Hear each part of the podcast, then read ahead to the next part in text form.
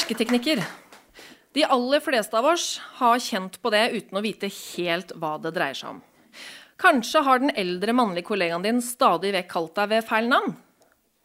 Eller kanskje den mannlige lederen i borettslaget stadig vekk avbryter deg når du prøver å si noe? Kanskje du helt har gitt opp å reagere på klaps på rumpa og andre uønska seksuelle tilnærmelser fra sjefen din på julebordet? I Statusrapports første episode vil vi bl.a. se nærmere på ulike kvinners opplevelser med hersketeknikker. Vi vil dele historier, avsløre og rett og slett prøve å ta litt balletak på dette maktmisbruket som jeg mener ikke har noe plass i samfunnet vårt. Hersketeknikker det er dessverre overalt, men vi, nei, vi finner oss ikke i det lenger.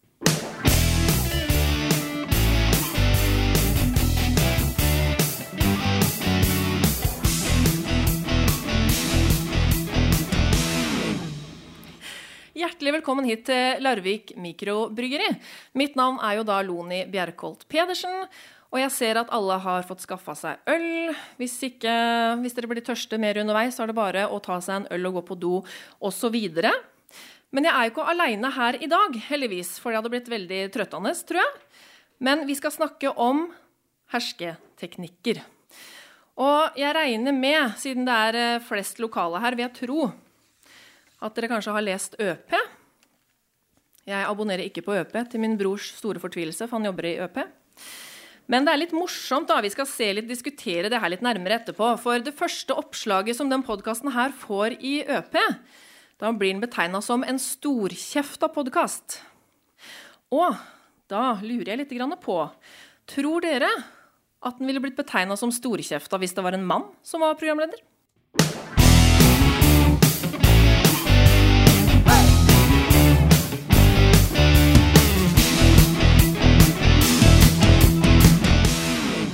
Yes. Vi skal snakke om eh, hersketeknikker i hverdagslivet. Og jeg har fått besøk av tre bra damer som har eh, vært villige til å komme hit og dele sine erfaringer. Da vil jeg veldig gjerne at vi gir en stor applaus.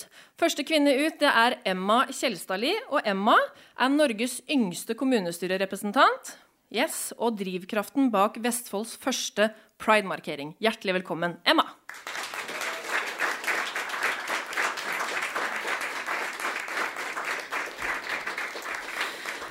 Dernest har vi fått besøk langveisfra fra Regine Folkmann Rossnes, som bl.a. er feministisk slampoet og manusforfatter. Hjertelig velkommen, Regine.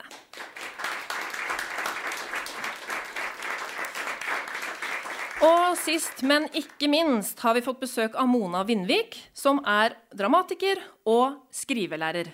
Hjertelig velkommen, Mona.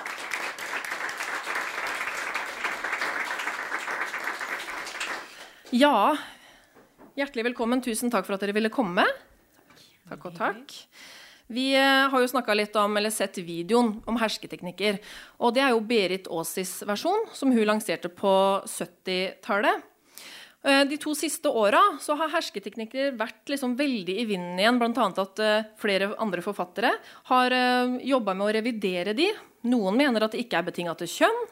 Noen har utvida de og sagt at det er ni hersketeknikker osv. Men hvis jeg stiller dere litt sånn åpent spørsmål, tenker dere at det fremdeles er aktuelt med hersketeknikker, eller er det utdatert? Helt klart aktuelt. Man ser det jo som på mange av de der Hollywood-oppslagene så ser man det jo overalt hvor man går. Og mm. også som du nevnte i innledningen, det med jobbsammenhenger. Mm. Eh, kommer veldig ofte der. Og det er ofte også veldig Det er jo ubevisst, mange av, eh, mange av tilfellene. Det er det som gjør at det på en måte er så Det blir så mye av det, fordi folk på en måte legger ikke merke til det selv. Eh, og, og, det er jo kanskje en av de tingene som man må jobbe mest med da, for å på en måte hindre det til, eh, til fremtiden. At man på en måte gjøre folk oppmerksom på at det er faktisk noe som heter hersketeknikker, og at de bruker dem. Eh, så å vise mer sånne videoer sånn som det her som på en måte har kommet litt mer i vinden nå, da. Mm. Det med på en måte å peke på de spørsmålene som kvinner får. Mm. Eh, for eksempel, det er jo en av tingene. Å liksom peke på de tingene som De små tingene man gjør. Så kanskje, ja. Så ser man det litt mer. Du tenker at det er aktuelt. Hva med deg da, Regine? Mm. Jeg merker jo selv også at jeg driver med hersketeknikker ubevisst. Eh, Oi, ja. Jeg var på et uh, kurs nå på tirsdag, og rett etter kurset så skal jeg og en venninne ta bussen hjem. hvor jeg da sier at uh, når uh, venninnen min skal spørre om veien, så sier jeg nei, nei, nei, nå kommer du her. Uh, hvor jeg da, ja, usynliggjorde litt henne og bare Nei, men jeg, dette kan jeg, så bare gjør det jeg sier. Ja, du bossa litt. Ja. Ja. Så du tenker ikke at det har noe med kjønn å gjøre, nødvendigvis? Eller? Nei.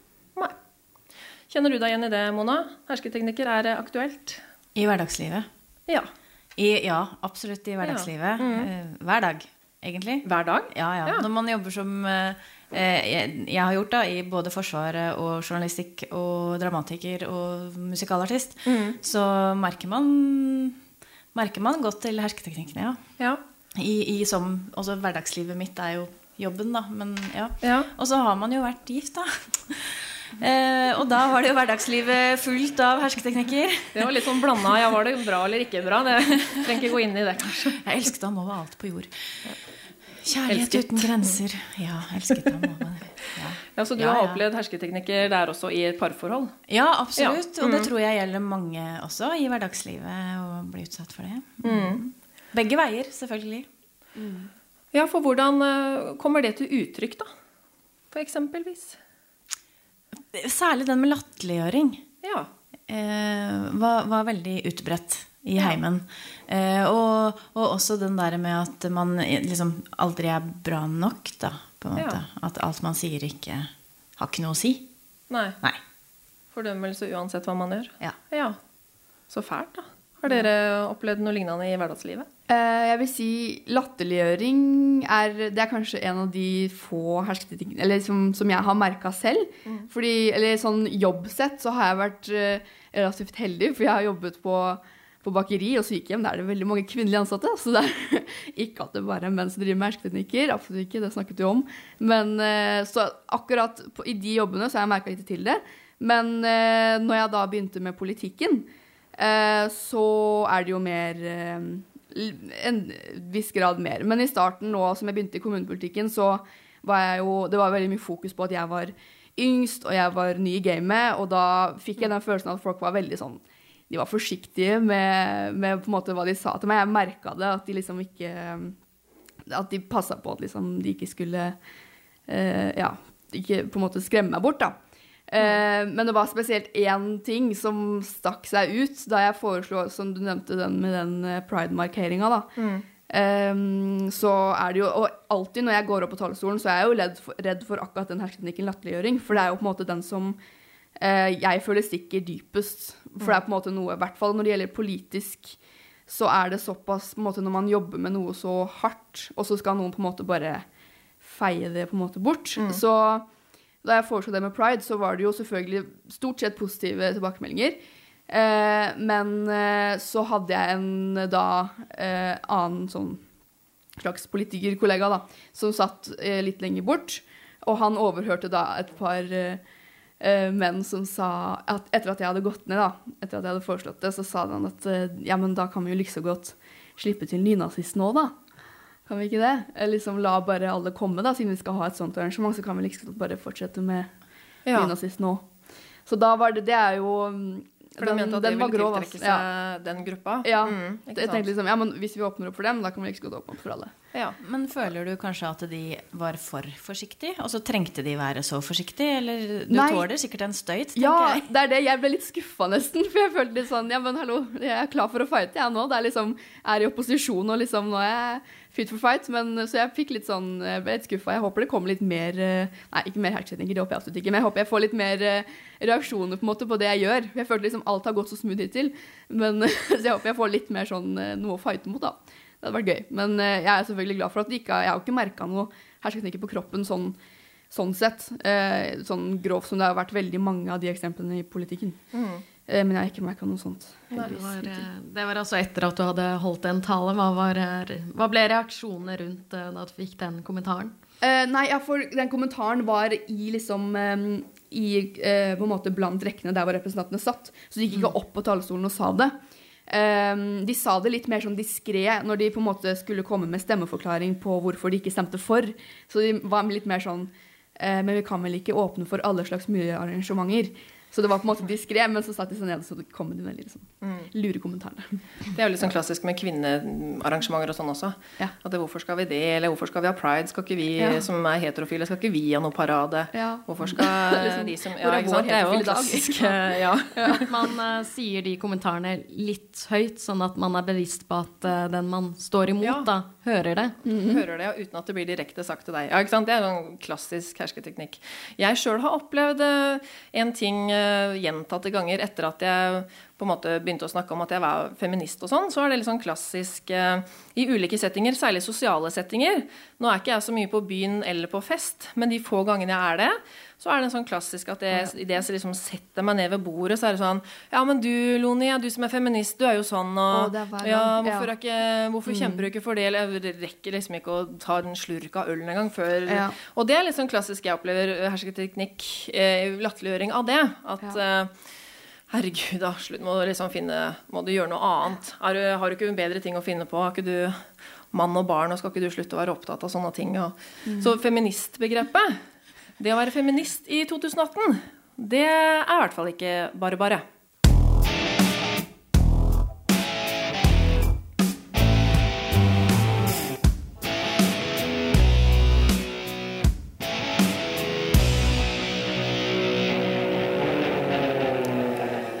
Skal gå videre til å snakke om hersketeknikker på jobb. Dere har vært litt innom det.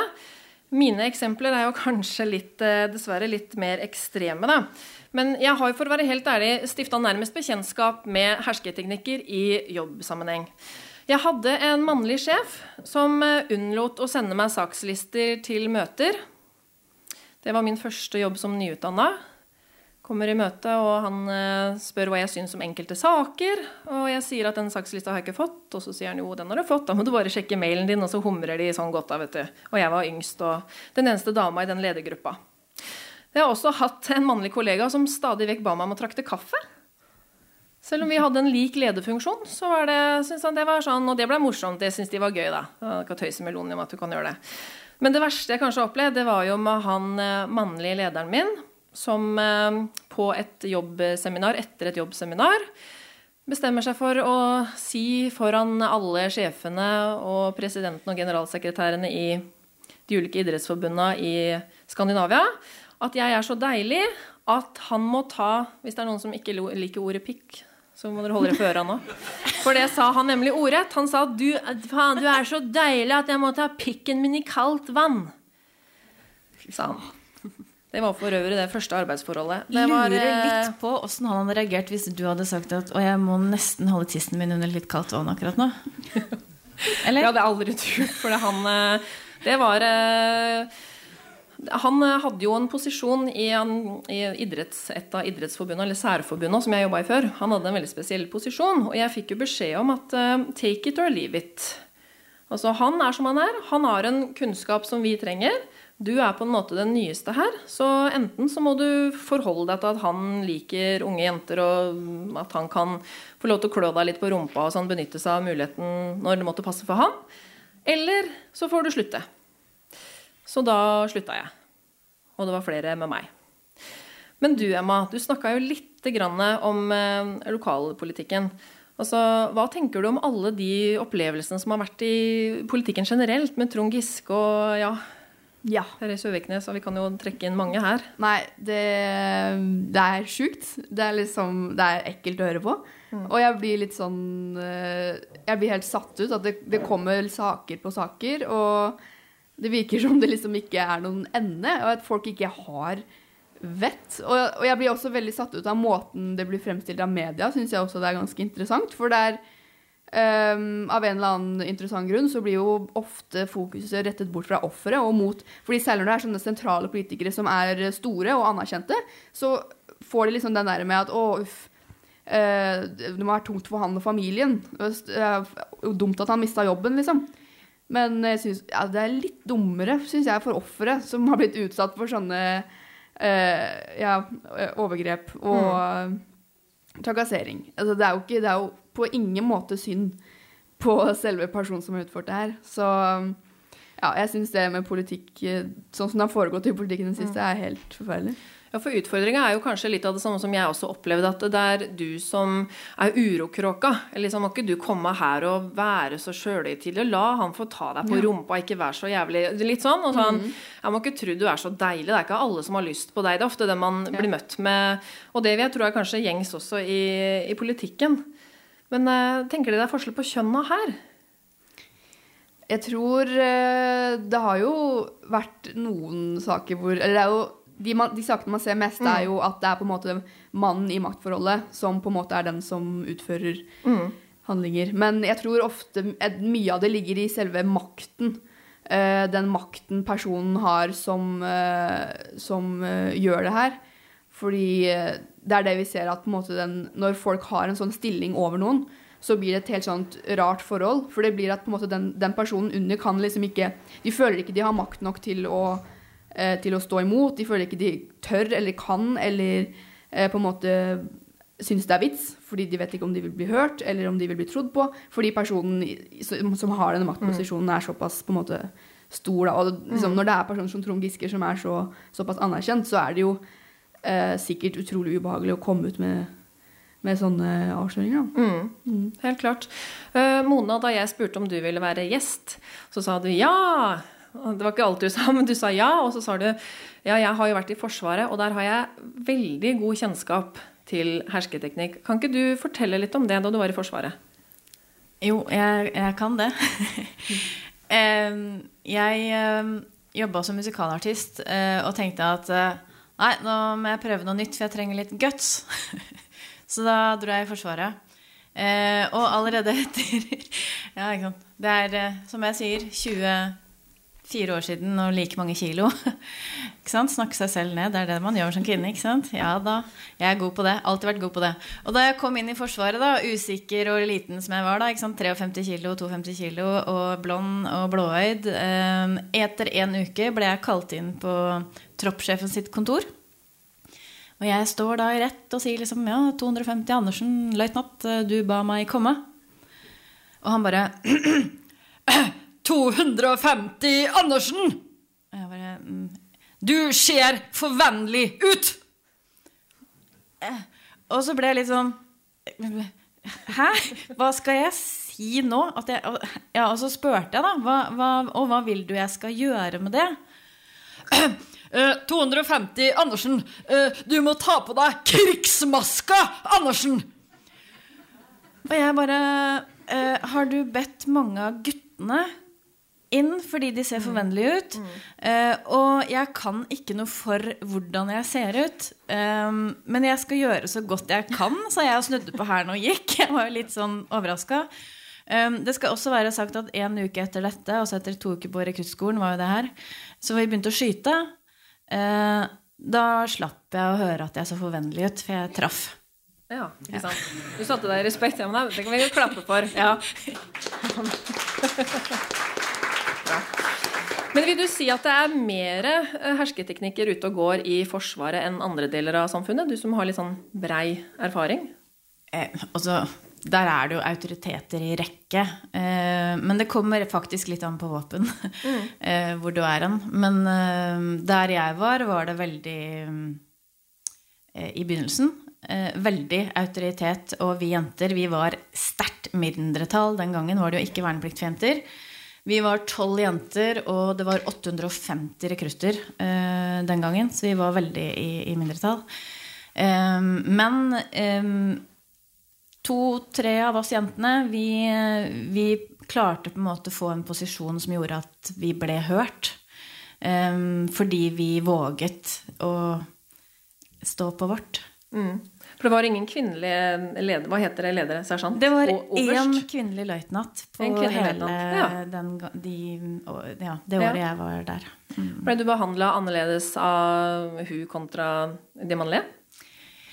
Vet du, Det er et interessant spørsmål. fordi vi gikk over, eller Jeg og ei til i troppen vi gikk over mønstringsplassen, og da hører jeg det står tre gutter eh, og roper 'Feltfitta!' over hele plassen. Og akkurat da gikk hun kvinnelige løytnanten over der. Ja, Det var veldig vanlig å bli kalt feltfitte. Det var Feltmadrass og feltfitte. Det var liksom helt normalt. Eh, Og jeg lurer litt på, for hun meldte jo fra sporenstreks eh, når hun hørte at denne gutten kalte meg for det. For det var ingen grunn til å kalle verken meg eller hun andre det. Eh, og det sa jeg også til han, eh, han medsoldaten, at jeg forstår ikke hvor du får det fra at det er ok å si sånne ting.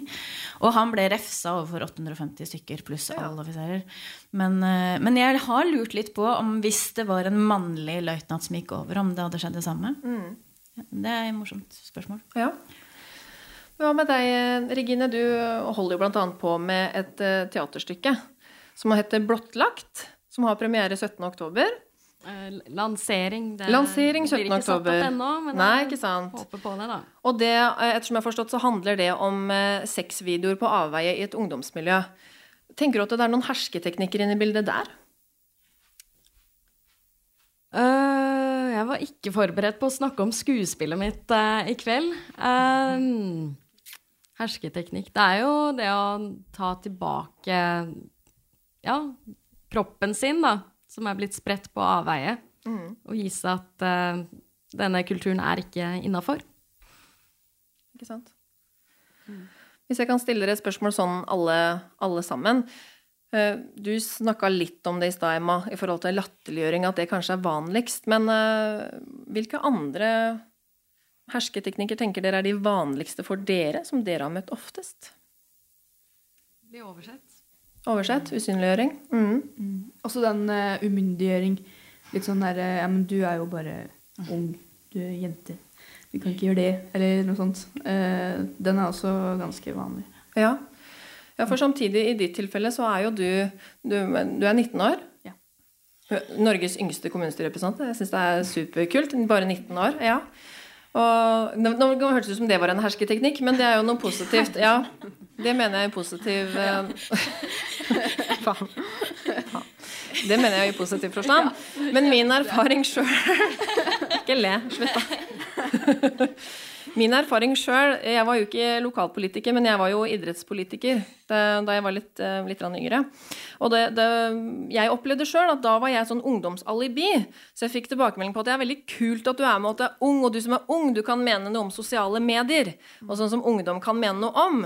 Men med en gang vi begynner å snakke om ting som er litt uh, alvorlige, eller vi snakker om lovendringer i Idrettsforbundet og sånn, da var det veldig tydelig at ja, nå skal du Ja, ja, ja. ja Det er fint du er her, Loni. Det er veldig koselig at du er her. Du er veldig søt og grei. Men uh, helst trakte kaffe og mene noe om sosiale medier, og så får du vente sånn 15 år til du kan mene noe om noe annet. Er det din eh, opplevelse òg, eller? Ja, eh, litt sånn Ja, innimellom så kan man faktisk eh, Så kan jeg kjenne meg igjen i det. Altså, for det, er sånn, det er sånn Ja, det er flott du er engasjert, altså. Det er bra. Fordi du er ung. Fint. Liksom, det, er, det er der som stopper det. Og så, Neida, men ja, for jeg får ofte de der sånn Hvis vi har saker som dreier seg om ungdom i kommunen, eller Eh, eller um, for eksempel ja, skole, eller ja, sånne ting, så er det på en måte saker som liksom, da blir det oftest etter meg. Og så er det mer sånn uh, når det kommer til på en måte det som er sånn store og skumle saker. Da, da føler jeg ikke at liksom, jeg har like mye relevans lenger, og så føler jeg ikke helt at jeg blir like mye hørt. Og det resulterer ofte også i at jeg ikke helt tør å ta eh, til ordet, i hvert fall når vi sitter i selve kommunestyret. Fordi jeg føler liksom de, altså For det sitter folk der med liksom 50 års erfaring, og så kommer jeg, og så eh, Men samtidig så er det jo egentlig ingen grunn til at jeg skal føle på det, fordi jeg setter meg jo godt inn i sakene. Det er jo ikke sånn at jeg kommer på møtene og ikke har peiling på hva jeg driver med. Um, men det er jo på en måte kanskje noe som har forplanta seg videre i måten uh, samfunnet er bygd på rundt disse hersketeknikkene. Fordi man på en måte tenker at uh, siden jeg er ung og ny, så har jeg på en måte ikke like mye relevanse. Eller, ja. Ja, for det er jo fremdeles menn som på en måte dominerer i lederposisjoner, da. Ja. Både ni av ti næringslivstopper er jo menn, blant annet. Åtte av ti biografier som gis ut i Norge, er jo, handler jo om menn. Så det er jo noe med at du da representerer et mindretall, både i forhold til at du er ung og, og kvinne. Men hvis, jeg, hvis vi prøver å snu litt på det, da. Kan hersketeknikker være et gode? Du gjorde et eksempel på det ved å skryte hersketeknikk, da. Ja, Er det da hersketeknikk? Nei, teknikk? Teknikk? Ros? Roseteknikk? Kanskje vi skal Utdannet- innføre det isteden? Jeg tror jo at de som, de som bruker hersketeknikkene, de, de oppnår jo å skremme bort motstanderne sine, eller motdebattantene sine. Mm. Fordi de lar jo ikke folk slippe til, eller de på en måte gjør mye ut av seg. Så for dem så kan det jo sikkert være veldig effektivt, men for alle andre rundt dem og folk som sitter og hører på, så er det jo ubehagelig. Så det er jo Kanskje for den ene personen da, som uh, har en merkelig måte å komme frem i samfunnet på, så kan hende det er lønnsomt. Men i lengden så vil du ikke være det, for du blir jo sett på som en ganske dust person. Du blir jo på en måte sånn. plassert liksom Ja, du er jo en sånn som Ja, du er jo Ja, ja, ja. Du er jo ung og blond og vager, og, Mm. du, og da liksom uh, Jeg er litt mer enn det. Ja. Kanskje vil jeg liksom jeg, Du sitter jo der av en grunn. Mm. Eh, det er jo en grunn Absolutt. til at du har kommet til kommunestyret. Det er fordi du har veldig mye inni her som trenger å komme ut, og veldig mye i hjertet som du står for. Mm. Eh, men det er sånn Ja, men du er jo en sånn som uh, Ja, ja. Mm. Så er det litt det å tenke på hvem er det som uh, får dette til gode? Hvem uh, Er det saken, eller er det personen? I en debatt, f.eks. Ja. Ja. Det er jo, som jeg sa i stad, så er det jo vesentlig færre kvinner på topp fremdeles. da. I Idrettsforbundet som jeg har jobba i, så har det vært en nedadgående kurve. Og også at kvinner som er valgt inn på til presidentnivå eller ansatt som generalsekretær, ofte gir seg liksom etter ganske kort tid. Hvorfor tenker dere det er sånn? Ja, fotball? Nei da. Jeg overlater det til de unge lovene. Jeg er for gammel til å kunne noe. Om noe? Ja, jeg tenker kanskje litt sånn Det samme som jeg nevnte med den eh, på en måte De forventningene samfunnet har da, til eh, særlig kvinner, f.eks., eh, så blir man på en måte stilt i en slags sånn bås med at kvinner skal ikke ta like mye plass. De skal ikke på en måte tørre å eh, på en måte klatre til topps, eller de skal ikke tørre å på en måte bryte seg frem. Eh, for de skal på en måte holde seg litt i bakgrunnen. Det er, måte, det er en slags sånn, sant, sånn tradisjonell rolle da, som man har tatt for seg. Og det er vanskelig å bli kvitt sånne, sånne kjønnsroller som det også er. Eh, fordi det sitter så dypt i liksom, måten man tenker og måten samfunnet er oppbygd på. Eh, og da tenker jeg at eh, det blir vanskeligere for kvinner å tørre og klare å få respekt til å på en måte komme seg til topps. Eh, så det skal mye guts til å være en eh, kvinne som tør å stå på toppen. Altså. Mm. Absolutt. Hvis vi skal prøve å lage en sånn konklusjon, da, eller se hva som er status i arbeidslivet, hva vil dere si er status når det kommer til hersketeknikker i arbeidslivet? Status i arbeidslivet. Det er eh, Så lenge du ser vennlig ut, så er det ok. Men uh, hvis du Hvis er du utøver hersketeknikk? Nei. Nei, vet du hva, det er en lang vei å gå ennå. Eh, fordi, eh, som de, de nevner, at det er, det er fortsatt sånn at vi skal ikke ta plass, vi skal ikke rope høyt, vi skal ikke bosse for mye. Eh, og vi blir heller ikke troverdige eh, overfor eh, menn med pondus. Det er feite kvinner, men menn med pondus. Eh, ja, men Sånn er det. Eh, så har vi en lang, lang, lang vei å gå. Og det er derfor vi trenger eh, stemmer, og unge stemmer, og eldre stemmer, og Berit Aas på 93, som fortsatt pøser på med, med å fortelle oss om at det faktisk fins enda. Mm, helt enig. Tenker du det samme, Regine? Ja. Det er jo som du nevnte, det er med så mange menn i høye maktposisjoner. Vi trenger utfordring. Absolutt. Da er vi i grunnen enige, da.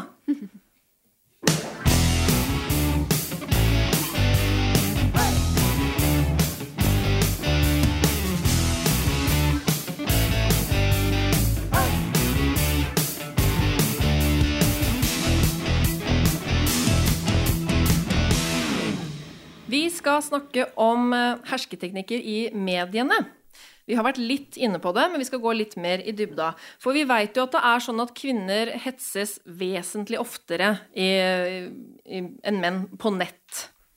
Eh, Vi vet også at kvinnekroppen i enda større grad enn mannskroppen blir brukt til å markedsføre og selge produkter. Alt fra burgere til biler. Og den podkasten her, som sagt, den blei jo betegna som storkjefta. Tenker dere som sitter her nå, hvis det var en mann som var programleder, ville den blitt betegna som storkjefta da? Neppe. Nei. Tror ikke det. Men jeg synes eh, storkjefta, det er bare kult, egentlig. Å snakke fra levra. Ja, ikke sant? Få det ut. En positiv assosiasjon. Hva med dere andre, da? Sværkjeft. Hva er Ja, svær kjeft? for det er liksom så Det er liksom så Hvis en, hvis en dame, liksom kul dame, skal liksom tørre å si noe, så, er, så sier du for mye, du sier det for høyt, eller du tar for mye plass. Men hvis du ikke sier noe, da er du for passiv. Og Da, da sitter du liksom på sidelinja og ser på, og da er du for kvinnete. Det er liksom, hvor er Og det er den samme med også sånn eh, i oppveksten, så Jeg har alltid vært en litt sånn der jeg, For eksempel på, på skolen uh, har vi gruppeprosjekt, så er det ofte jeg som liker å bare rett og slett ta ansvar, få ting liksom i gang. Uh, og da hender det, eller det hender ikke, omtrent hver gang så blir det til at liksom, da er jeg for sjefete. Da er det jeg som tar for mye plass. Nå må du roe deg ned. Nå er du, nå er du sjefete. Og det er liksom den derre sjefete. Den, åh, det, den er fæl. Og det er alltid den jenta liksom får den, den med sjefete, fordi de liksom skal på en måte De gidder å ta det initiativet også. Men så hvis på en måte jeg sitter og ikke gjør så mye, da blir det til at da, da gidder jeg ikke, da. Da er jeg passiv. Og da er det sånn generalisering, da. Ja, Ja. Ingen damer som gidder å engasjere seg her. Nei. Mens hvis Petter gjør det samme, så er han ansvarsfull. Flinke og- Petter. Ja, flinke Petter. Løper rett ved siden av han eh, fyren som har fotballen, og som eh, sier at eh, ja, men det er jo ingen å sentre til. Ja, hallo. Hei, hei. Her, jeg leder, ja. Jeg er rett foran deg. Ja. Men tenker dere det er en forskjell altså, i hvordan kvinner og menn omtales i mediene? Det er jo bare med en gang eh, det er en sak om feminisme feminisme som er på Facebook, da kan du banne på at det er drit i kommentarfeltet. Og det er nettopp derfor eh, man trenger feminisme. Absolutt. Hvilke type kommentarer har du sett stå der, da? Eh, Det med f.eks. kvinner som blir dratt fram at eh, hun har blitt utsatt for eh, seksuell trakassering, da, så har jeg lest eh, kommentarer som ja, men hvordan kan hun ha blitt det, fordi hun er jo ikke pen, Ja, ikke sant? for eksempel. Eller hvis hun har blitt det, så Ja, men hun er jo ei flyfile, så det, er jo, det fortjener hun. Mm. Dobbel straff, som Litt du sier. for korte ja. skjørter. Ja. Og ba om det. Så det, men hvordan, altså Den storkjefta har vi jo snakka om, men det fins jo flere eksempler. En ting jeg syns er veldig morsomt Det er kanskje litt dårligere å komme med refs til Tønsbergs Blad, men jeg må bare det, for apropos feminisme. 8. mars så utlyste de en skrivekonkurranse hvor man kunne vinne en fin slumps med penger. Eh, Det er en kvinnelig redaktør, eh, eller ansvarlig for skrivekonkurransen. Og i overskriftene så står det eh, 'Skrivekonkurranse 8. mars'. Du trenger ikke være rødstrømpe. Er ikke det litt sånn kunnskapsløst? Hvorfor er folk er så redde for det? Feminister, altså rødstrømper. Er du redd for rødstrømper, Mona? Nei, jeg har aldri vært redd for rødstrømper. Men jeg syns de damene med lilla skjerf var litt rare da jeg vokste opp. ja. Men de med røde strømper, de syns jeg var ganske var kule. Ja. Ser du, da, anser du deg sjøl som feminist? Det syns jeg faktisk er et vanskelig spørsmål, fordi Mm. at uh, For meg har det vært et sånt høy, uh, høyintellektuell greie i den verden jeg kom fra, som på en måte er slummen. Uh, så det var på en måte Torsland? Jeg har flytta 25 Oi, oi, oi, ganger, så jeg har alltid bodd i er sånn. Men, eh, så det er faktisk et vanskelig spørsmål, fordi at eh, feminisme var på en måte ikke et ord i min oppvekst. Nei. Eh, feminisme møtte jeg først faktisk da jeg flytta til Bergen som 25-åring. Så gammel var jeg før jeg kom på en måte i da feministisk miljø, hvor jeg da fikk høre at oi, hvis du har egne meninger og ønsker at liksom kvinnene skal ha en stemme, så, så kan det være at du er det. Og da ble jeg faktisk livredd, for jeg tenkte liksom oi, shit, da er det et ansvar. Da fikk jeg plutselig et ansvar. Eh, og han jeg var gift med, var faktisk feminist, og han var en dyktig en òg. Ja. Og han var også i den eh, studentfeministgruppa i Bergen og var veldig aktiv der. Så jeg lærte mye der, heldigvis. Ellers så hadde ikke jeg visst i dag hva det var. Nei. Men hvis vi tenker ting som kom på trykk, da, for medier er jo så mangt. ikke sant? Men hvis vi tenker type aviser og nettaviser og sånn, hvem er det som eh, styrer det, da? Denne ordbruken, forskjell i ordbruken. Som styrer Som styrer det. Journalist, journalistene mener Ja, Ja. journalistene. Ja. Og du, er jo, du har jo en utdanning innen journalistikk, har jeg skjønt? Ja. Var det god kjønnsfordeling på studentene og lærerne og sånn der, eller? Ble ofte satt på plass av de eldre journalistlærerne. Ja, hvordan da? Eh, som for eksempel da Rena leir ble opprettet, så var det en åpen leir. Eh, og da var det en, en gammel journalist eh, i Østlendingen, som jeg da jobba i, eh, som mente at nå var det jo somalere, de er kjempeskumle, ifølge han da. Ja. Nå siterer jeg litt han. Så alle somalere er terrorister, og da må den åpne Rena leir, for det var ikke gjerde rundt leiren, da måtte de gjerde inn den, fordi at når som helst så kunne de skumle somalierne komme inn og, og sprenge leiren. Ja. Og da mente han at da måtte Forsvaret ta eh, ansvar og stenge leiren og gjerde inn leiren før somalierne fikk det. Ellers måtte somalierne vekk, og det måtte Forsvaret ordne. Ja.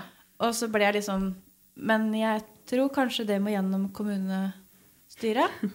Jeg tror ikke Forsvaret bare kan bestemme at de skal flyttes bort. Og da bare så han sånn derre ovenfra og ned og bare Nå har ikke du vært journalist så lenge, Mona, så jeg tror ikke du skal uttale deg om ting du ikke har peiling på. Ja.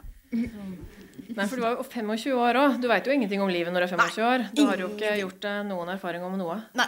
Nei. Nei, Så han var en sånn der eh, arvtaker av Quisling eller noe sånt, han. Virker det som, da. Ja, alle, Ja, alle, alle var terrorister. Alle var terrorister. Ja. Ja. Alle somaliere. Ja, ikke sant? Ja. Generalisering. Ja, og bare vent, snart kommer muslimer på hele Glomma. Bare vent, bare vent. Ja.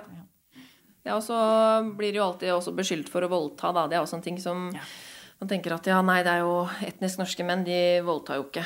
Det er jo noe som tilhører alle som er, kommer fra utafor landets grenser, men sånn er det jo ikke. Men så du tenker at det, det var en forskjell allerede der, altså at dere blir snakka til på ulikt vis? Som kvinnelig og mannlig student? Ja. ja. Ja, det er jo veldig I intervjuer Er den på? Ja. Nå hørte jeg ikke meg selv, jeg.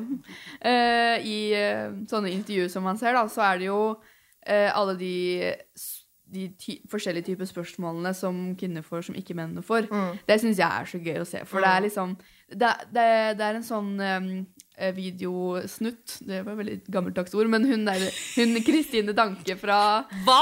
Ja, du som er ung, du må jo ha et eller annet sånn engelsk begrep på det. Ja. A video same. Eh, hun Kristine Danke fra P3 Hun hadde jo en dritkul sånn eh, ja, videospalteaktig ting. eh, hvor hun gikk rundt på en sånn eh, slags galla for et eller annet. Og, stilte de mannlige da, stjernene eh, spørsmål som på en måte egentlig kvinner ville ha fått. da. Så var det en sånn Hva gjør man med undertøy når man har så trang eh, skjorte? Ja, hvordan er det å være manneband? Og det er liksom sånn eh, sånn ordentlig manneband. Og det er sånn, hva, hæ? hva betyr det? Og de ble jo helt satt ut. For de skjønte jo ikke hva som foregikk. Og de bare Ja, men hvorfor stiller de meg disse spørsmålene? Og så var det sånn eh, Ja, hvordan, hvordan eh, liksom eh, klarer du å eh, balansere både hjemmelivet og karrieren din? Og de ble Ja, jeg bare gjør det, liksom. Eh, Fordi de, er Ja. vel, de blir jo aldri stilt disse spørsmålene. Så de Nei. ble helt sånn der, Og så stilte hun dem da på slutten av intervjuet sånn, Syns du det var noe rart med det intervjuet her? De bare ja. Eh, og, så ja, hva, hva, hva tror du jeg framstilte dere som? Eh, så lurte de på jeg skjønte ikke. Kvinner, var det derfor Ja. sånn var det jeg spurte dere. Sånn. Dere Ja. var kvinner, da. Og Føler du deg ekstra maskulin i den trange, trange buksen du har på deg der? Og det er helt sånn og sånn, Hva er et produkt du ikke kunne levd uten? Og de bare Nei, gitaren min Dobbeldusj. da. Og de ser på Kristine Danke som om hun er helt dust. Ja, helt ja. Ja. Ja, ikke sant? Ja, det er en erfaring jeg også har gjort meg, særlig det i forhold til du sier med, med barn. For jeg også blir ofte spurt om det. Jeg er jo, jobber jo en del på kveldstid og, og um, har treningsreiser osv. Og, så videre, og det er jo en av de første tinga som jeg får spørsmål om. det. Ja, men har ikke du en datter? Hvor er hun? Hvor er hun? Akkurat som det er liksom ingen andre i livet som kan ta vare på henne. Hvor er hun Herregud, sitter aleine. Ja. Det er jo når også, Det er en vesentlig forskjell, syns jeg. Det man får barn, da er du først og fremst mamma. Ja. Og så er karriere Du kan gjerne ha lyst til mye, men det må du egentlig bare drite i. Nå er du mor, og det Så det mm. føler jeg er en veldig stor overgang. overgang. Mm. Hvordan balansere det? Hvordan er det mulig? Og så var hun ja, Så ha podkast om eh, ti år og spørre hvordan det har gått med meg, for jeg er ikke barn. Nei. Eh, ikke sant? Ja, det går nok bra, tror du ikke det? Og det er det første, det er det eneste jeg skal spørre deg om. Jeg skal invitere om barna mine. Åssen går det med ungen din? Ja, morsrollen? Ja, nei, men takk. Takk for det. Men det også er jo en sånn For en ting er jo hvordan kvinner blir intervjua sånn, på rød løper og sånn. Men jeg syns også det er veldig interessant å se når man diskuterer ting på um, Dagsnytt 18 eller andre programmer, hvor f.eks. når de sitter og diskuterer abort, det var, Jeg vet ikke hvor de står nå, det vet jo du bedre enn meg, Emma, men i forhold til Unge Venstres forslag om å utvide tida man kan ta abort til 24 uker, så sitter man liksom der, og så er det, ja, det er mannlige programledere, og så er det tre menn som sitter og diskuterer abort. Ja. Hvordan, Vet du noe om det? Altså, hvorfor er det tre menn som blir valgt ut til å snakke om abort? Nei, er det ikke de som har mest peiling? De har jo hands on experience. Nei, de, Ja, nei jeg har ikke peiling. Vet hva det går i, ja. helt merkelig. Er det Og det er også det er liksom, de, de spørsmålene er det liksom de får det kan ikke, Jeg kan ikke svare på det. jeg vet ikke. Det er liksom Ja, det er vel de som har tatt eh, Tenker sånn, kommer sikkert sånn Ja, hvem tar det turen? Ja, meg. Ikke sant? Det er jo de som tør, sikkert, da. Men hva var de mennene? Hva var de for noe? Det var en fra Unge Venstre, og så var det vel en fra Arbeiderpartiet og en fra Frp. Det var i hvert fall tre ulike representanter fra politiske partier. Det var derfor jeg lurte på om hvordan blir man, blir man valgt til det, liksom? Er det sånn, ja, Altså, de hadde ingen kunnskap liksom om Jeg lurte litt på alderen. Ja, de var relativt eh, unge. Men kanskje det kan være sånn at eh, abort er sånn Ja, nei, vi må ha han At det er ingen som vil snakke om det. Eller kan det være at eh, det er så få damer i toppen der Ja, er, som gjør det? Men det er liksom så absurd. ja. Når du ser Donald Trump også, de har Jeg husker ikke hva de snakka om, men det var noe type kvinne om å få flere kvinnelige ledere inn, eller noe sånt. Og så er liksom, sitter en hel rad, en sånn mannsbastion med mannfolk, dresskledde mannfolk eh, 60 pluss. Og så er det ei dame, og hver gang hun prøver å si noe, så er det sånn mm, Litt høyere Er ikke det rart? At de eier på en måte diskusjonene, selv om det er ting som berører vårs. Ja. Nei, det er uh, uforståelig. Det, men det er, det er som, som jeg har nevnt nå noen ganger, det er det der med at de tør å ta plassen, rett og slett. De tar liksom ordet først, og da er det vanskelig å slippe til. Når man liksom er sånn Skal sitte på siden og se pen ut. Ja. Og liksom ikke Ja. Ja, så er det lettere og... hvis man er flere damer òg, tenker jeg. Eh, Ja. Du skal jo være skrudd sammen på en viss måte hvis man er den som går fram og sier og står imot en mannsposisjon. Er man to eller tre, så Mm. hjelper det jo absolutt på. Men det, kjenner dere til begrepet mansplaining? Ja. Ja. Ja. Det er gøy. Det kunne vi jo hatt en, en video på. Det, dere kjenner kanskje til det, dere også, men det er jo eh, en, flere som har opplevd det på kroppen, og som opplever det sånn til stadighet. Det er jo når, når eh, eksempelvis med abort, da en mann skal prøve å på en måte forklare deg noe som du kanskje veit, men at man gjerne sier det veldig sånn nedlatende at ja, nå må du huske på, eller Ja. sånn som f.eks. Kjetil gjorde til meg på Facebook. Sånn uh, søte, morsomme, snille Loni. Nei da, det var veldig hyggelig, altså. Det var ikke hersketeknikk. Jeg veit det.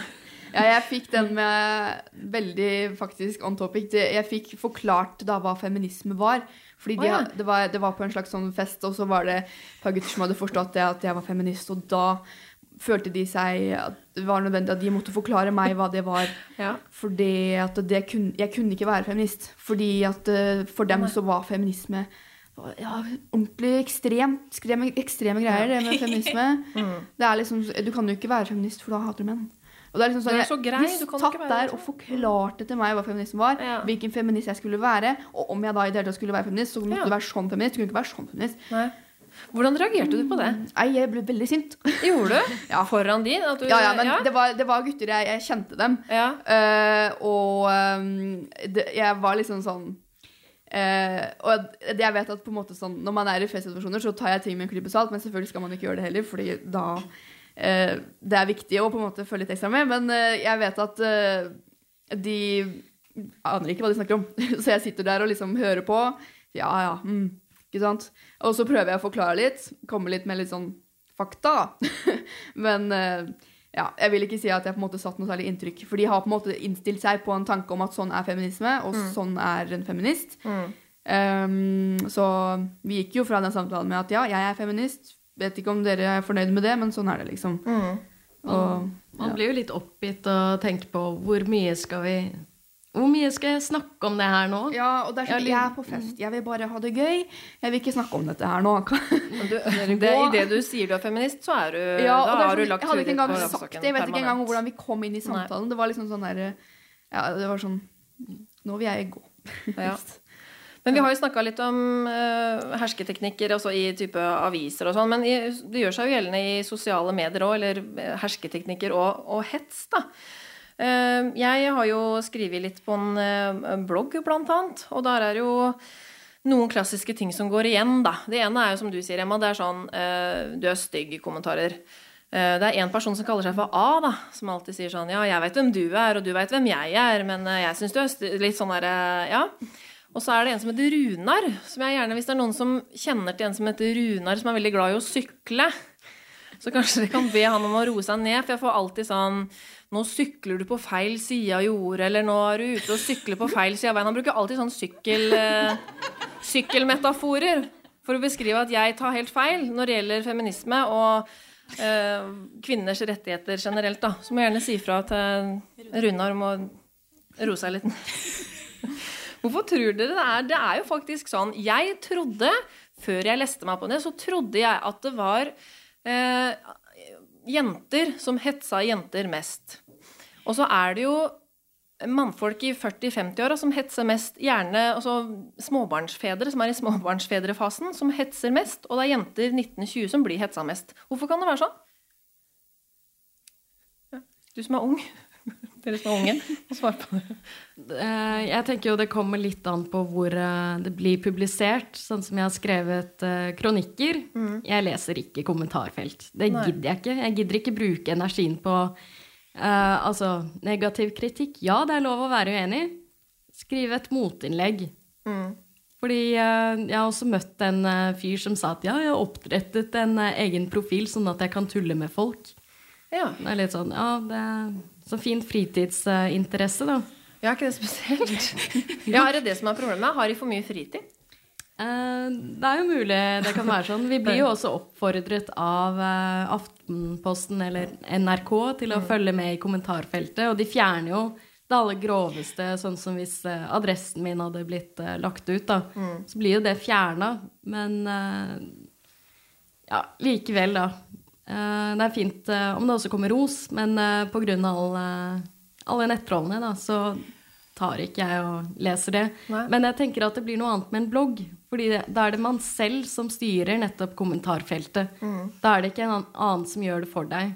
Eventuelt så kan man alliere seg med en man kjenner, da, som tar screenshot og fjerner mm, ja, da de negative kommentarene som ikke har noen innvirkning. Du er stygg. Ok, det hjelper, det hjelper ikke noe eh, at jeg får høre det. Jeg har det utseendet jeg har. Gå videre. Ja. Har, dere, har du kjent noe på kroppen med det, Mai, hvis du har uttalt deg om noe? At de har fått noe negativ respons? Nei. Nei. Det Du vil. Nei. Det er veldig kult. Du er skikkelig klar for det. Ja. Nei, jeg har faktisk ikke det. Altså. Nei. Og nei, jeg har ikke noe morsomme historier å komme med der ennå. Jeg må være litt mer sånn, jeg må komme litt mer sånn kontroversielle saker. For det er jo sånn, det med pride, det er jo De fleste er jo enig. Og da, det er på en måte det jeg har vært mest sånn offentlig med nå, så da må jeg kanskje komme med litt mer kontroversielt, da, for å få litt uh, action. kanskje. Kanskje stikke trynet fram nok. Det er jo, ja, da kommer det jo. Ja. Ja. Men hvis vi tenker at, som jeg sa i stad, at eh, de fleste biografier som gis ut av menn, det er jo faktisk sånn at menn kommer oftere på trykk. Og jeg leste en masteroppgave her for, eh, før jeg reiste til Kroatia, som viser at eh, menn som jobber som journalister, også dekker idrettsarrangementer med kvinner sjeldnere. Når det er en mannlig journalist. Tenker dere at det altså, handler det liksom om er et individuelt problem som handler om holdninger, eller er det noen maktstrukturer her, at det er en, et kollektivt problem vi har? God blanding, vil jeg tro. Eh, for det er jo um, Jeg tror det med at liksom, holdningene kommer jo fra hvordan på en måte man er tenkt til at samfunnet skal være oppbygd. Og Så jeg tror at eh, man, man blir jo helt klart påvirka av det du ser rundt deg, og hvordan på en måte strukturene er i på en måte sånne store offentlige og det, men når man da ser på en måte sånne intervjuer, så ser man jo da at da er det ikke like mye å se av kvinner. Da, så da er det kanskje ikke sånn, kan hende folk tenker. Eh, så det er jo Samfunnsomveltninger må, må jo til for, måte, for å få på en måte mer lys på at kvinner er der, de òg. De må jo på en måte bli intervjua, de òg. Og det må være noe annet enn skijentene. Altså, vi har andre, Ja. andre sportsutøvere i andre Altså fotballjentene, f.eks. Jeg syns den videoen eh, hvor de la ut eh, han der som rulla 1000 ganger rundt Jeg kan ikke navnet hans, og jeg er dritstolt at jeg ikke kan det. Eh, han, kan- han, de der spilling altså Menn som spiller fotball, de ruller jo rundt og har dritvondt hvis de bommer. Ja. Altså, det er litt sånn helt syke ting. Og så er det bilde av norsk fotballjente etterpå som får en skikkelig på trynet og blør, og tenna detter ut og sånn, og hun bare spytter ut og løper videre. Og da tenker jeg Det er så woman, liksom. Up Ja. yours. Eh, og hvorfor er ikke det bra TV? Hvorfor Ja. er det bedre TV at han eh, spiller og ruller rundt eh, 50 Ja. ganger bortover gresset? Hvorfor er det ikke bra TV å se at jentene gutser på uten å Altså, jeg, jeg skjønner ikke, da. Og, det, og som sagt, vi har noe annet enn skijentene som bør fram i lyset. Og da, der trenger det en holdningsgreie til i alle TV-kanaler som sendes bort. Mm. Ja, idrett er liksom er veldig interessant der, fordi jeg var, eh, jeg var eh, fotballdommer i noen år, kanskje sånn tre år eller noe sånt, for liksom da, da var jeg sånn rundt 15, og så dømte jeg da liksom eh, oftest guttelag, for det var mye guttefotballag. Eh, så det var ofte de da. Og da var det sånn utelukkende hver gang jeg kom på banen og skulle dømme en kamp, så fikk jeg Er det du som skal dømme oss? oh, og det er sånn. Ja, og det er sånn Ja, det er meg, og ja, jeg er jente, og ja, nå skal jeg dømme dere. Nå begynner vi. Og det er liksom sånn For det er, det er også den med at man må bli eksponert for med på en måte sånne ting. For det er mye kvinnelige dommere også, men eh, de slipper jo ikke til.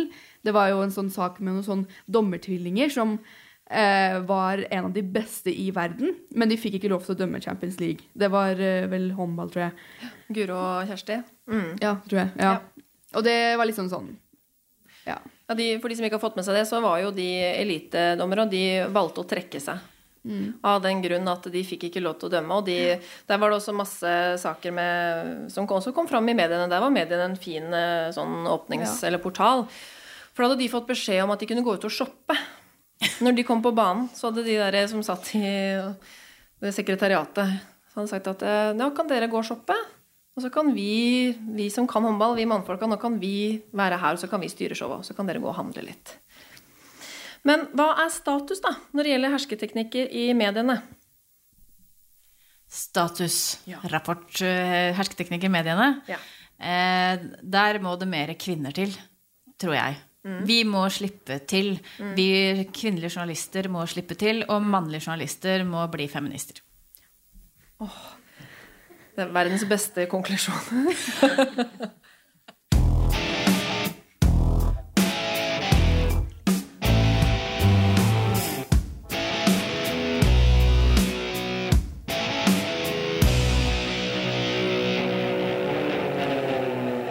Ja, da har vi jo lagt en del kort på bordet. Vi har funnet ut at det er nok av utfordringer å ta tak i.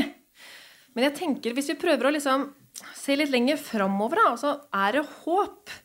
Hva kan vi gjøre, hvis vi tar utgangspunkt i oss sjøl?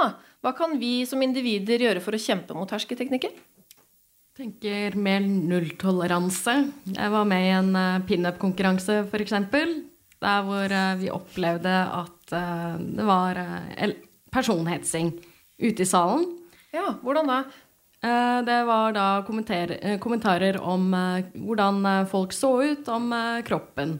Og noe av det med pinup er nettopp det at uansett hvilken kroppsfasong du har, så har det ikke noe å si. Så det som skjedde med de personene, de ble kasta ut. Det var Ja. ikke noe sånn at hvis du fortsetter sånn, da kaster vi deg ut. Nei, det var rett ut. Ja. Og for oss som deltakere så var det jo så deilig å vite at uh, her er det helt uh, trygt. Vi uh, kan være oss sjøl på scenen. Ikke sant? Og hvis det skjer noe mer, så ja, de blir hen henvist ut. Mm. Så nulltoleranse. Hva tenker du da, Emma? Jeg tenker at man må snakke mer om det, og gjøre folk oppmerksomme på hva de sier, og hvilke på en måte argumentasjonsteknikker de bruker. Eh, og på en måte Ja, og også gå i seg selv, helt klart. På en måte tenke hva man selv sier, fordi kanskje er deg selv problemet, eller eh, så må man Man må på en måte rett og slett bare eh, gjøre klar, folk klar over hvordan de kommuniserer, sånn at de kan eh, følge med på det, sånn at de ikke på en måte de bare babler i vei, og så er det folk som står igjen og føler seg veldig ukomfortable. Så ja. Så hjelpe folk til å tørre å gå litt i seg sjøl, da. Mm. Mm. Hva Men tenker du? også- Ja, unnskyld. Men også snakke om det. Hvis man har vært på et møte med en sjef da, som bare gjør narr av en, eller bare overser en. Snakk med kollegaene. Er det bare meg som opplever det her? Eller opplever du det samme? Og få vite at det er ikke nødvendigvis deg det er noe galt med. Ikke sant. Snakke med et verneombud. Mm. Hva tenker du da, Mona? Eh, Jeg tenker at du må inn eh, Jeg har jo hatt ungdomsprosjekt på skoler mm. hvor vi har snakka om sånne ting. Og jeg tror det er en fordel å få det inn i disse mental helse-timene Ja. som skolene er påtvungne å ha i hvert fall tre dager. Nå var jeg et helt år på hver skole. eh, fordi jeg, opplegget mitt eh, følger læreplanen, så da brukte jeg ikke skolens tid. For det er jo så veldig viktig å ikke gjøre. Eh, og da forteller de av at valg av ord har alltid noe å si. Altså hva du velger å si nå, kan eh, påvirke en person for alltid hvis ikke du tenker over hvilke ord du bruker. Og at det kommer inn ganske tidlig på skolen. Og foreldre også må være veldig bevisst hva de velger å bruke av ord, og hvordan de velger å snakke med barna, ikke til barna. Tenker dere at det er positivt at eh, nye folk tar tak i altså hersketeknikken etter Berit Aas og sier at det er flere elementer. eh, det handler ikke om kjønn. eh, mye handler om alder. Tenker dere at det liksom, da holder vi det litt i, i live? At det er noe positivt? Det må holdes i live. Skal ikke fjerne ytringsfriheten fra folk heller. Nei. Det er fint å se nyanser og kunne diskutere. Hadde det vært fint om eh, vi ble kvitt ordet hersketeknikker, eller? Nei. Nei? Nei, jeg syns det er fint hittil på det, for da blir det på en måte til at man skjønner jo ganske fort hva det dreier seg om når man sier ordet hersketeknikker. Eh, men selvfølgelig så finnes det mange Det har utvikla seg flere forskjellige på en måte metoder eh, siden de BTOs har kommet med. Eh, og det syns jeg er bra. Det kan bare bli mer og mer, sånn at folk blir mer eh, obs på det. Mm. Du som er litt yngre enn meg. Ja. ja, men det er du jo. Det er jo fakta. Ja, ja. Tenker du at eh, Hva skal jeg si at det er eh, Står det greit til med ungdommen? Har dere et forhold til hersketeknikkbegrepet? Jeg vet ikke om jeg er den riktige å spørre deg, for jeg er jo Eller ja, jeg er jo det. Men jeg vet ikke helt om alle er det. Det, det er sikkert eh, ja, Det er garantert folk som ikke Eller unge som ikke er klar over det ennå, eller vet hva det dreier seg om. Og da tenker jeg at man må se mer eksempler på det, eller man må være så, sånne som meg, og folk som vet hva det er, må være eh, åpne om det og snakke om det og peke på det hvis man ser det i samfunnet. Absolutt. Hvis dere kan få si én ting, da. For nå har vi snakka litt om hva vi kan gjøre som individer. Men hva eh, samfunnet, på en måte alle rundt, hva bør vi bidra med når det kommer til hersketeknikker? Én ting, i hvert fall. Det er lov til å ha to. Minst én. Uh, uh, rope ut. Si, Rope ut? Ja. si ifra. Mm. Fint. Rop ut. Helt enig. Det er ikke lov til å ha samme. Og heller ikke, om, heller ikke omformulere, for jeg er veldig enig med deg. Ikke, sant? ikke omformuler hersketeknikker. For at hvis du bare lager et annet ord på det og pakker inn i noe som høres mye mer fantastisk ut, så vil alltid hersketeknikker være. Det kommer alltid til å være. Men det er opp til oss som er her og nå, og som kommer, eh, at ikke det blir en ok hersketeknikk, men det får ikke rule. Ikke sant? Ikke bare drive og snakke om det, men gjør om snakkingen til videre handling. Vi kan snakke i evigheter om hva vi burde gjøre, men eh, det skjer ingenting før vi går til vedkommende og tar det opp. Hør, hør. Hør, hør. Det, nå trenger egentlig ikke jeg å oppsummere, for det var en veldig fin siste oppsummering. Men vi har alle noe å bidra med, med andre ord. Rop ut. Rop ut, ikke pakk det inn. Og konkret handling mot hersketeknikker.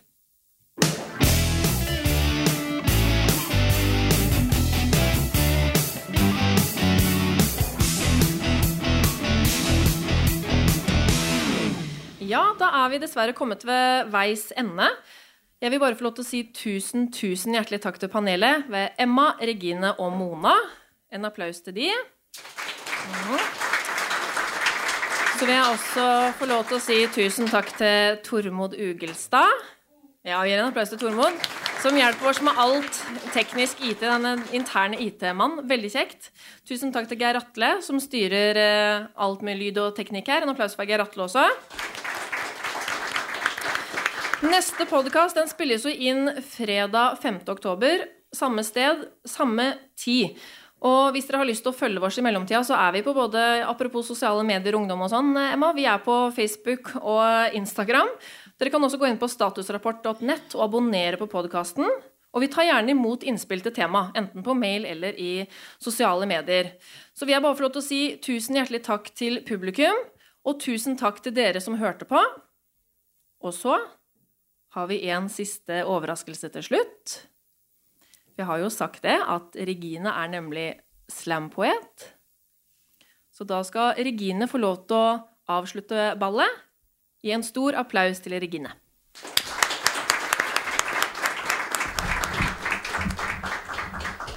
All right. Vi har jo snakket eh, litt om uh, nettroll, f.eks., så denne her går til alle kvinner som ytrer seg og får slengt ting tilbake. Du tror du har kontroll, bruker setninger og ord som vold, kommenterer hore, og tror du kan gå videre i ro og fred, blir oppgitt. Jeg må le. Velger å kommentere tilbake, kan ikke slippe taket. For i en verden full av rabalder, så har jeg også baller. De henger bare litt lenger oppe. Å være kvinne lar ikke ytringsfriheten min stoppe. Vet du egentlig betydningen av orda du bruker, hamrende på tastaturet så blodet spruter? Skulle likt å se deg si det til meg i ansiktet, men for deg så er vel det det vanskeligste. Dette er den egentlige deg? Eller? Husk at det er du som velger. Tusen takk for meg.